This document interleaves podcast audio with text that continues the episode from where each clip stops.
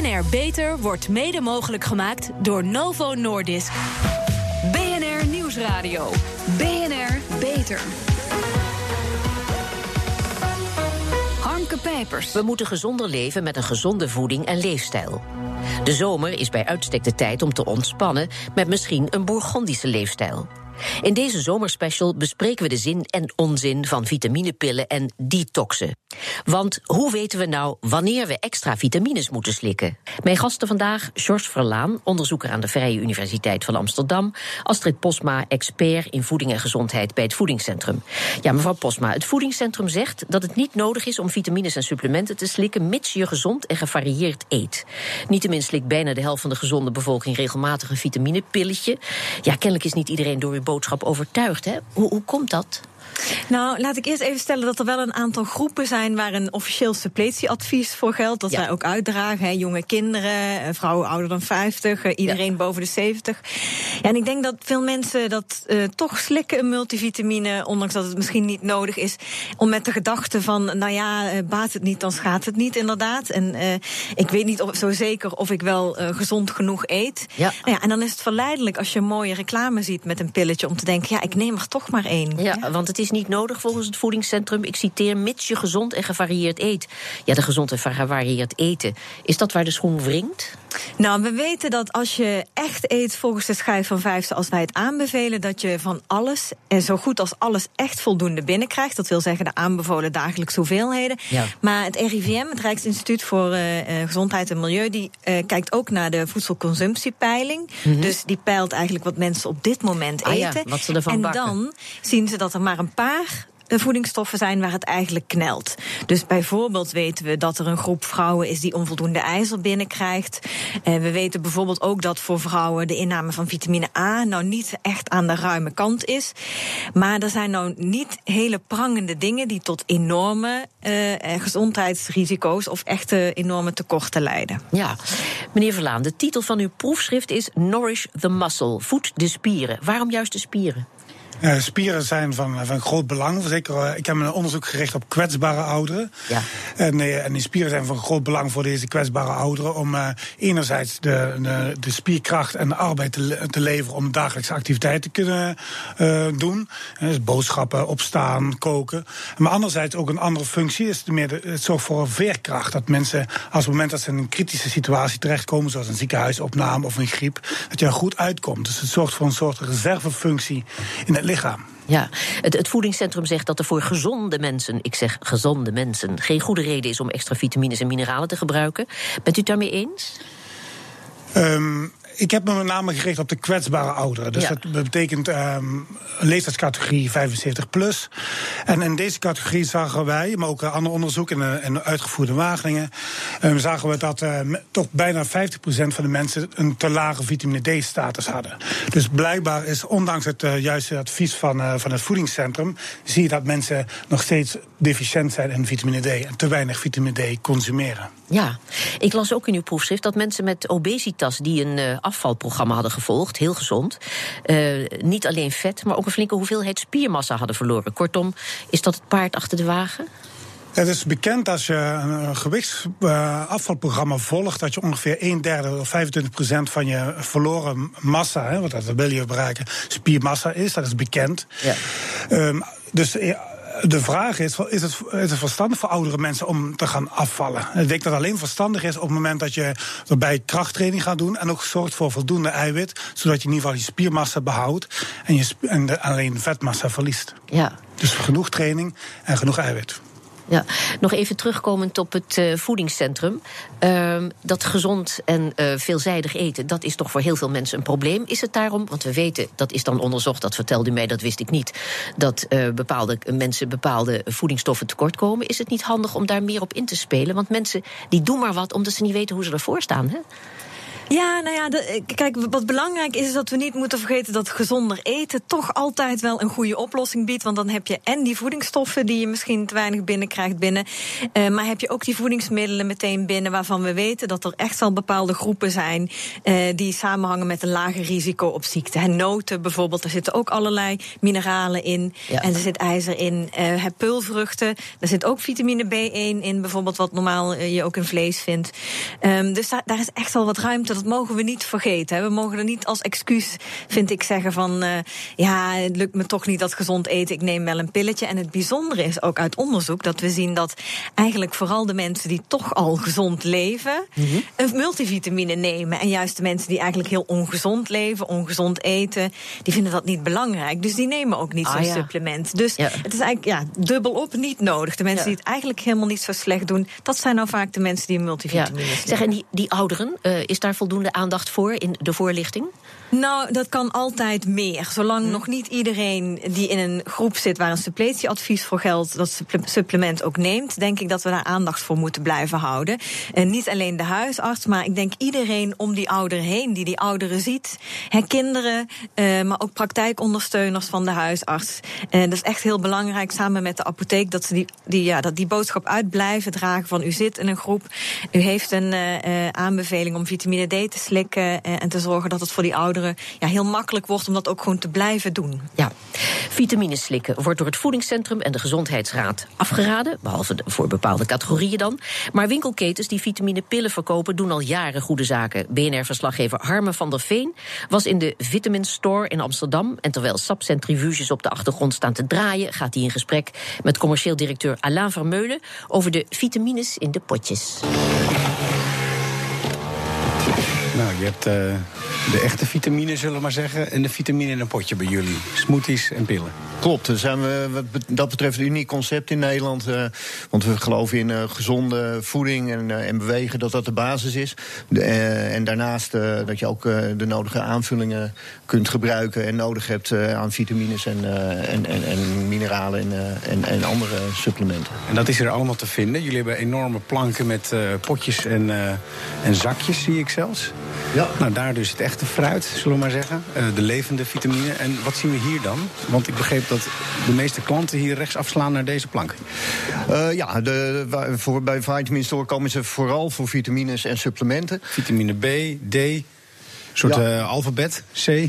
Ja, klopt. Losse vitamines, die uh, afhankelijk van je levensstijl uh, kun je, of heb je soms extra losse vitamines nodig. Uh, B12 bijvoorbeeld vegetariërs. Super, of vitamine D3 is belangrijk voor, voor ouderen. Maar Wat loopt nou het hardst? Um, de combinatie van een multimet met nou, D3 is op dit moment zeg maar de, de, de hardslopende losse vitamine die we verkopen. Wat is D3? Ja. D3 is ja, vitamine D, maar dan in 3, de calciumcholesterol. Dat is een bepaalde vorm die heel goed op wordt genomen in het lichaam, uh, die ook zo in de, in de voeding zit. Is dat niet uh, wat je krijgt van de zon, vitamine D, als je lekker, lekker buiten ja. bent? Ja, alleen de zonkracht is daar heel veel belangrijk van. En uh, dat is maar een half, de helft van het jaar dat je voldoende vitamine D door je huid kan aanmaken. Nou, van de supplementen tot slot dan maar weer terug naar de smoothie. Wat raad je me aan? Want ik lust er wel een. ja, het is, het is nu ochtend, dus, dan zou ik een, een, een grasshopper nemen. Een grasshopper? Ja, dat is een eentje waarmee uh, daar zit onder andere spinazie in, maar ook gember, uh, de tarwegras. En dat, dat zorgt dat je hele uh, systeem op gang komt. Daar ga ik van springen. En dan ga je ook, ja, precies. Hij is en groen en je gaat ervan springen. Dankjewel. geen dank.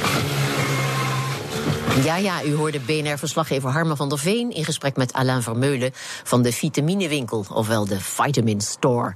Ja, um, ja mijn gasten hier. Um, uw gezicht uh, sprak uh, boekdelen, mevrouw Posma. Wat vond u ervan? Het klopt wat die meneer zegt. In Nederland hebben we natuurlijk relatief minder zonlicht. Ja. Uh, maar de Gezondheidsraad heeft ook uitgezocht... als je wordt blootgesteld aan de zon regelmatig... zo van uh, maart uh, tot oktober... dat dat voldoende kan zijn om voldoende... Op, vitamine D precies aan te maken wat je opslaat om de rest van het jaar te gebruiken. Dus ja. zo denk ik, zo worden mensen soms bang gemaakt met de feiten. En dat is nou ja, net niet wat we willen. Net als de poes, hè, die de vitamine uit zijn vachtje likt. Ja, nou ja, dat is ah, soms wat ingewikkeld natuurlijk. Maar. Ja, dat kunnen wij niet, maar ik vind het zo'n leuk beeld. Moest het even kwijt. Ja. Zeg, en, meneer Verlaan, hoe minder de zon schijnt, hoe minder, uh, meer vitamine D er wordt verkocht. Maar ja, uh, kun je ook te veel vitamine D slikken trouwens? Kan, je kan absoluut uh, te veel vitamine D slikken. Um, daar is... Um, De, er was een tendens dat de mensen steeds meer vitamine D gingen, gingen slikken. Mhm. Maar uh, de laatste jaren neigt men nu naar een, ja, nou ingewikkeld uh, uit te leggen, maar 75 tot 80 nanomol per liter. Dus uh, onder de 50 ben je deficiënt. Ehm, neem je een redelijke hoeveelheid, wat ook aanbevolen wordt door, de, door het voedingscentrum, dan, dan stijg je naar, de, naar rond de 80. En er was ook een, een uitspraak van professor De Groot bij de verdediging van een proefschrift. Die zegt 80 is prachtig. Dus daar ga je, dat ah, is goed. Je hoeft niet boven die 100, waar men eh, een aantal jaar geleden. U zei van, want dat werd steeds meer verkocht, maar uh, we weten ook dat die normen zijn aangepast. Hè? Omdat we wisten dat uh, toch gebrek aan vitamine D vrij veel voorkomt bij mensen die alloch, heet het, allochtone mag je niet meer zeggen, maar zeg ik toch, met veel kleren aan, te weinig exposure aan de zon. En, we zagen inderdaad, we zagen nog 5% onder de 50, hè, 50 nanomol per liter. Dus de 5% is nog steeds ja, te laag. Maar als je nou, zeg maar, als je toch echt een tekort aan vitamine D hebt, dan is de vraag, want mensen doen dit allemaal uit onzekerheid. Hè? Uh, hoe, hoe weet je nou, wat zijn de symptomen als je gebrek hebt aan vitamine D? Die zijn heel vaag, dus dat merk je heel lang niet. Uh, hooguit, nou ja, wat vage vermoeidheidsklachten. Uh, maar daarom is het wel belangrijk, uh, nou ja, niet om allemaal massaal naar de huisarts te gaan. je kunt rustig 10 microgram vitamine D elke dag nemen en dan is er echt helemaal niks aan de hand. Dat is voor veel mensen best verstandig. Maar er zijn wel wat momenten, hè, als je nou ouder wordt, of voor vrouwen bijvoorbeeld als je zwanger wil worden en dat een moment is dat je toch al bij de huisarts komt of bij de verloskundige, dan, dan is er best wat voor te zeggen om dat toch even te laten prikken. Want dan weet je gewoon goed waar je aan toe bent. En zeker als je zwanger wil worden, weet je, wil je gewoon graag dat je lichaam in een optimale status is om uh, ja, dat kindje goed te kunnen voeden. Zeg, en we hoorden ook meer magnesium voor je spieren als je gaat wintersporten. Heb nou, er is, er is geen enkele wetenschappelijke onderbouwing denk ik, voor meer magnesium. En dat zorgt voor een betere uh, sportprestatie. Dus ik denk eerder mensen die deficiënt zijn in magnesium, wellicht. Maar er is geen onderbouwing. Er wordt veel genoemd, maar de, de literatuur zegt, laat niks zien. Ja, maar ja, alle verstandige praat weegt niet op tegen de overtuigingskracht van de drogisten. Iedereen kan naar hartelust zelf dokteren en doet dat ook. Doet dat veel kwaad? Um, in sommige gevallen wel. Hè? Ja, wanneer je langere tijd heel veel vitamine B6 neemt, kan dat leiden tot beschadigingen van je zenuwen. Uh, tintelingen, gevoelloosheid in handen en voeten. En dat zijn echt ernstige klachten waar mensen ook uh, nog best wel een tijdje last van hebben. Ook als ze met dat supplement stoppen. Dus dat is wel een voorbeeld van een gevaarlijke. Maar van magnesium is het bijvoorbeeld zo dat als je dat uh, in grote doses neemt, dat je klachten kunt krijgen van maag en darmen. Dus krijg je diarree van. Dat is niet heel ernstig, maar ook wel heel ongemakkelijk kan dat zijn. Ook niet de bedoeling. Iedereen wil zich ook tijdens de vakantie fit en vitaal voelen. Wat moet je hierover weten? Hoort u meer over na de reclame. BNR Nieuwsradio. BNR Beter. Met vakantie even lekker uitzweten tijdens een fietstocht in de bergen. Of toch maar een detoxbehandeling en een extra yoga-sessie. Daarover praat ik in deze zomerspecial van BNR Beter. Hierover praat ik verder met mijn gasten Sarai Pannenkoek, sportdiëtist en epidemioloog, en Astrid Postma, expert in voeding en gezondheid bij het Voedingscentrum. Ja, mevrouw Postma, je lichaam ontdoen van gifstoffen, dat doet het lichaam zelf al, dat weten we. Uh, maar hoe kunnen we dit proces bevorderen? Is dat misschien raadzaam om dat te doen? Maar goed, mevrouw Postma, het is bekend dat smaakversterkers en conserveermiddelen, de zogeheten E-nummers, die zijn berucht, komen voor in kant-en-klare maaltijden, dat die, ook al zijn ze goedgekeurd, niet bevorderlijk zijn voor de gezondheid. Wat gebeurt er als je te veel kant-en-klare maaltijden maaltijden eet en veel van die E-nummers binnenkrijgt? Nou, bij veel kant-en-klaar producten is het gevaar niet zozeer dat je te veel van E-nummers binnenkrijgt, mhm. Want daar zou je dan heel veel van moeten eten. Een groter gevaar zit in de hoeveelheid zout, suiker en verzadigd vet in die kant-en-klaar producten. Dat is echt het grootste gevaar. Daar krijg je met gemak heel veel van binnen. Van zout stijgt je bloeddruk. Uh, suiker is, nou ja, daar zit alleen maar lege calorieën. Nou, we hebben genoeg energie. Dus daar schuilt een groter gevaar in dan in één nummers op zich. Ook van de zoetstoffen die zijn getest. Voordat je bij een hoeveelheid komt die mogelijk nadelige gevolgen heeft, moet je, nou ja, iets van 20 flessen cola light drinken. Maar Dus- dan nog iets anders, hè? bestrijdingsmiddelen, dat weten we. Die, eh, eh, dat bouwt zich op, hè? komt zelfs eh, in, in, in het vlees van pinguïns voor... omdat ze bepaalde vissen eten waar die spullen weer in zitten. Ik bedoel, het is een, een enorme keten. Die opstapeling aan dioxines vooral en, en PCB's... is, is, ja, daar kun je niks tegen doen, hè? Dan wat helpt je- detox ook niet. Ja, als consument kunt doen is eh, variëren. Want met variatie doe je eigenlijk aan risicospreiding. Ja. Eh, tegelijkertijd is het heel belangrijk dat we natuurlijk eh, hier tegen worden beschermd. Dat doet onze overheid ook. Stelt daar normen voor op. Dioxine is denk ik een heel goed voorbeeld waarin de afgelopen 30 jaar de hoeveelheid daarvan echt drastisch is teruggebracht in het milieu. En daardoor ook met wat wij binnen kunnen krijgen via vis of via vlees of melk.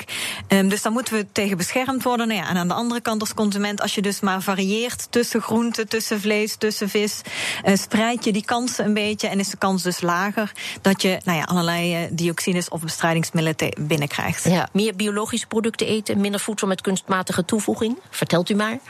Nou ja, wat je kunt doen is je lichaam in ieder geval niet meer belasten dan nodig. En eh, met name misschien je lever, die het grootste orgaan is, die eigenlijk alle ontgifting in je lichaam doet. En we weten dat alcohol, eh, nou ja, je, le- je lever wel belast. En eh, om alcohol af te breken moet je lever hard werken. Ja. Eh, kan er ook hè, aan slijtage onderhevig door worden. Dus dat is iets, nou ja, dat is heel makkelijk, denk ik, toch om te minderen en daarmee je lever te ontzien. We weten ook dat ernstig overgewicht bijvoorbeeld kan zorgen voor leververvetting. Ja. Ehm, en nou ja, als je lever dan niet meer zijn werk kan doen, kun je daar ook klachten van krijgen, omdat dat ontgiftingsproces niet meer goed plaatsvindt. Dus op gewicht blijven, niet te veel alcohol. eh, zoals ik al eh, zei, variatie in je voeding. Ehm, dat zijn denk ik dingen die het allerbelangrijkste zijn om te voorkomen Ja. dat je giftige eh, stoffen binnenkrijgt. En dus ook soms opletten met kruidenpreparaten of theeën of kleien. Want daar kunnen verontreinigingen in zitten. Ja. Zeker als ze van buiten Europa komen. Ja, ik of weet zo'n verhaal van een vrouw die dronk al maar kruidenthee uit China. Dat bleek vol loodmening te zitten. Ja, Dat ja. is heel dramatisch geëindigd. Goed, de World Health Organization eh, wil het suikergebruik, ja, daar doen we ook eh, veel aan, hè, terugbrengen naar 25 gram per dag voor een volwassene. Wat doet te veel suiker met je lichaam? Nou ja, het is met name een, een grote caloriebron vaak waar geen voedingsstoffen in zitten. En te veel calorieën is een probleem in onze huidige Ja. maatschappij. We kunnen heel makkelijk veel meer eten dan eh, we eigenlijk verbranden. En we zien met name voor suikerhoudende dranken eh, dat hoe, als je daar veel van drinkt, er een verhoogd risico bestaat op diabetes type 2. Ja. En daarnaast zit suiker natuurlijk ook veel in producten die je ook verder nergens voor nodig hebt. Hè. Koekjes, taart, eh, et cetera. En die passen natuurlijk in, met mate bij. Maar als je daarop wil letten, dan moet dat niet zo'n grote hoeveelheid zijn. Ja, ehm, we hadden het ook al even, u noemde dat al eventjes, eh, de, de darmflora. Hè? Want het inzicht dat darmen veel meer zijn dan eh, een afvoersysteem dat je af en toe maar eens even grondig en hardhandig moet reinigen.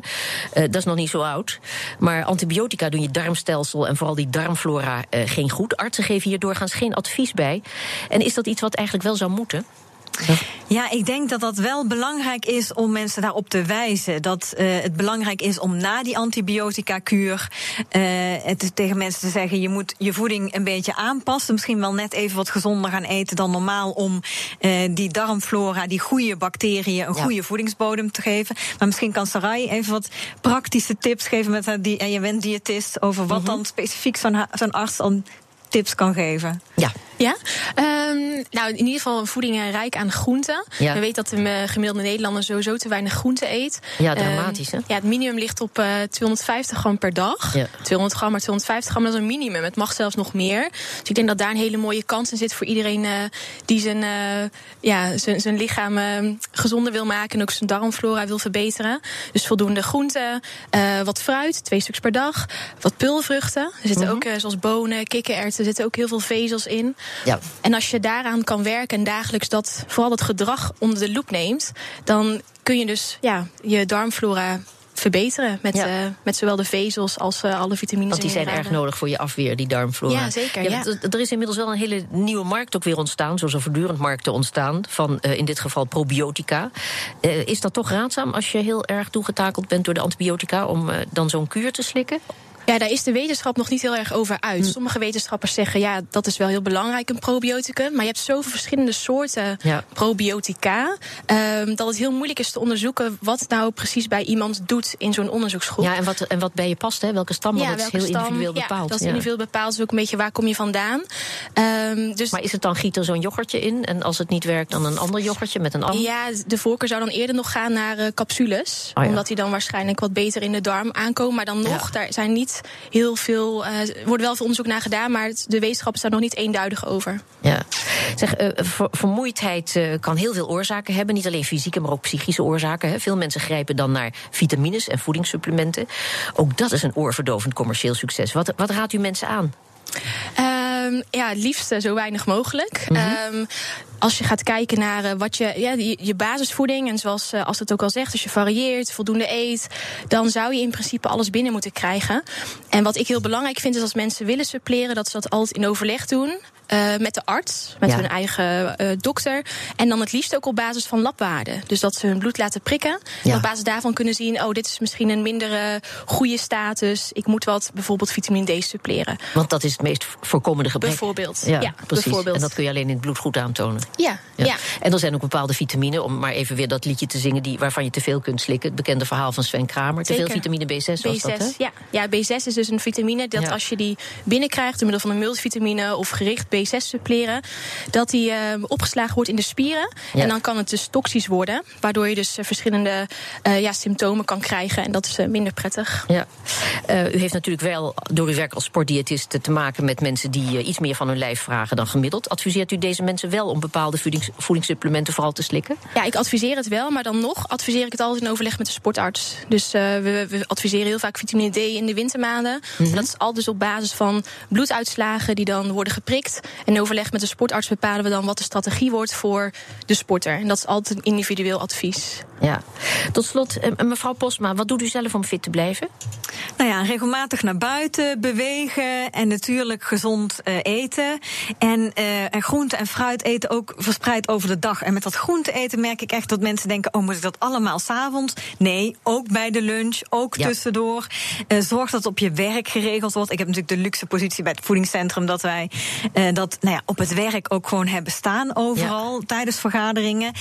De, ik denk dat dat belangrijk is dat daar voor iedereen eigenlijk winst te behalen ja, valt. Zeg, en is het voorjaar een, een, een, uh, wat u betreft een tijd van speciale aandacht hiervoor?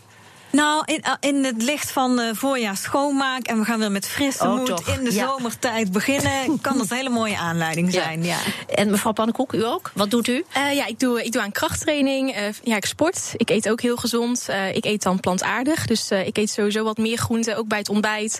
en verspreid over de dag. Ik eet heel veel pulvruchten. Mm -hmm. um, en ik kom ook heel graag buiten. Ik doe yoga, mindfulness. Dus Goed wel van die kleine Dames, zet hem op. Het hele jaar door. Dank, Sarah Pannenkoek en Astrid Posma. Pioniers in de zorg. Onze zorgredactie speurt naar interessante medische innovaties binnen en buiten de muren van de universiteit. Ja, waar werken ze aan en wat moeten wij hierover weten? Kelly Nijhoff. Uh, dit keer een virtuele speeltuin voor kinderen. Ja, dat gaat over een uit de hand gelopen project van twee masterstudenten van de TU Eindhoven. Ze hebben een virtuele speeltuin gebouwd waar zieke kinderen die in isolatie moeten met elkaar kunnen spelen. Ja, en, en waarom zitten die kinderen dan in isolatie? Nou ja, het is niet altijd zo dat ze net als in zo'n IT-film in zo'n tentje zitten. Mm -hmm. Met niemand fysiek contact hebben. En vaak zijn er speciale voorschriften en maatregelen waardoor ze de kans op infectie en het verspreiden van bacteriën of virussen verkleinen. Ja. En wat die kinderen op zo'n moment dus niet kunnen, is spelen met andere leeftijdsgenootjes. Ja, het zijn dus ernstig zieke kinderen. Maar vertel, wat hebben die jonge studenten bedacht voor ze? Een virtual reality omgeving waarin ze als avatars kunnen spelen met andere kinderen die zich ook hebben aangemeld voor die game. En het is ook bekend dat de genezing en het welzijn van een kinderen het goed doet als zij afgeleid worden door bijvoorbeeld de clinic clowns. Maar hoe gaaf moet het wel niet zijn als jij als avatar met een vriendje kan spelen in een soort game uh, ja. of gewoon in de virtuele speeltuin van de glijbaan kan. Het Spine ziekenhuis die ziet hier wat in, werken ze mee samen. Maar wat die bedenkers, uh, ze zijn dus op zoek naar mogelijkheden om dit idee voor veel meer kinderen mogelijk te maken. Toen hebben wij dus onze passie voor virtuality gecombineerd met het probleem dat we zagen. En toen kwamen we er bij deze oplossing uit. En waar we nu heel erg naar op zoek zijn, mensen die dit, dit project willen steunen. En dan kan op heel veel verschillende manieren. Op een stukje development, of bijvoorbeeld uh, kleine financiering, sponsoring. Um, en daarnaast inderdaad ook ziekenhuizen waar we dit concept kunnen testen. En te kijken wat, uh, hoe we het samen beter kunnen maken. Je hoorde een van de oprichters, Jason van Eunen van Playground VR. Zo heet het project. En als je nieuwsgierig bent hoe dat eruit ziet, ze zitten op Facebook, maar ook gewoon op playgroundvr.nl. Ja. Fantastisch. Dankjewel, Galine of Playground VR dus. En ik hoop dat heel veel mensen daar uh, werk van gaan maken. Tot zover het beste van BNR Beter. Meer horen? Ga dan naar de BNR-app, iTunes of Spotify... en luister de leukste podcasts terug... onder een palmboom in je luie vakantiestoel, in een hangmat... of gewoon thuis, in bed. Ik ben Harmke Pijpers. Graag tot een volgend spreekuur. BNR Beter wordt mede mogelijk gemaakt door Novo Nordisk.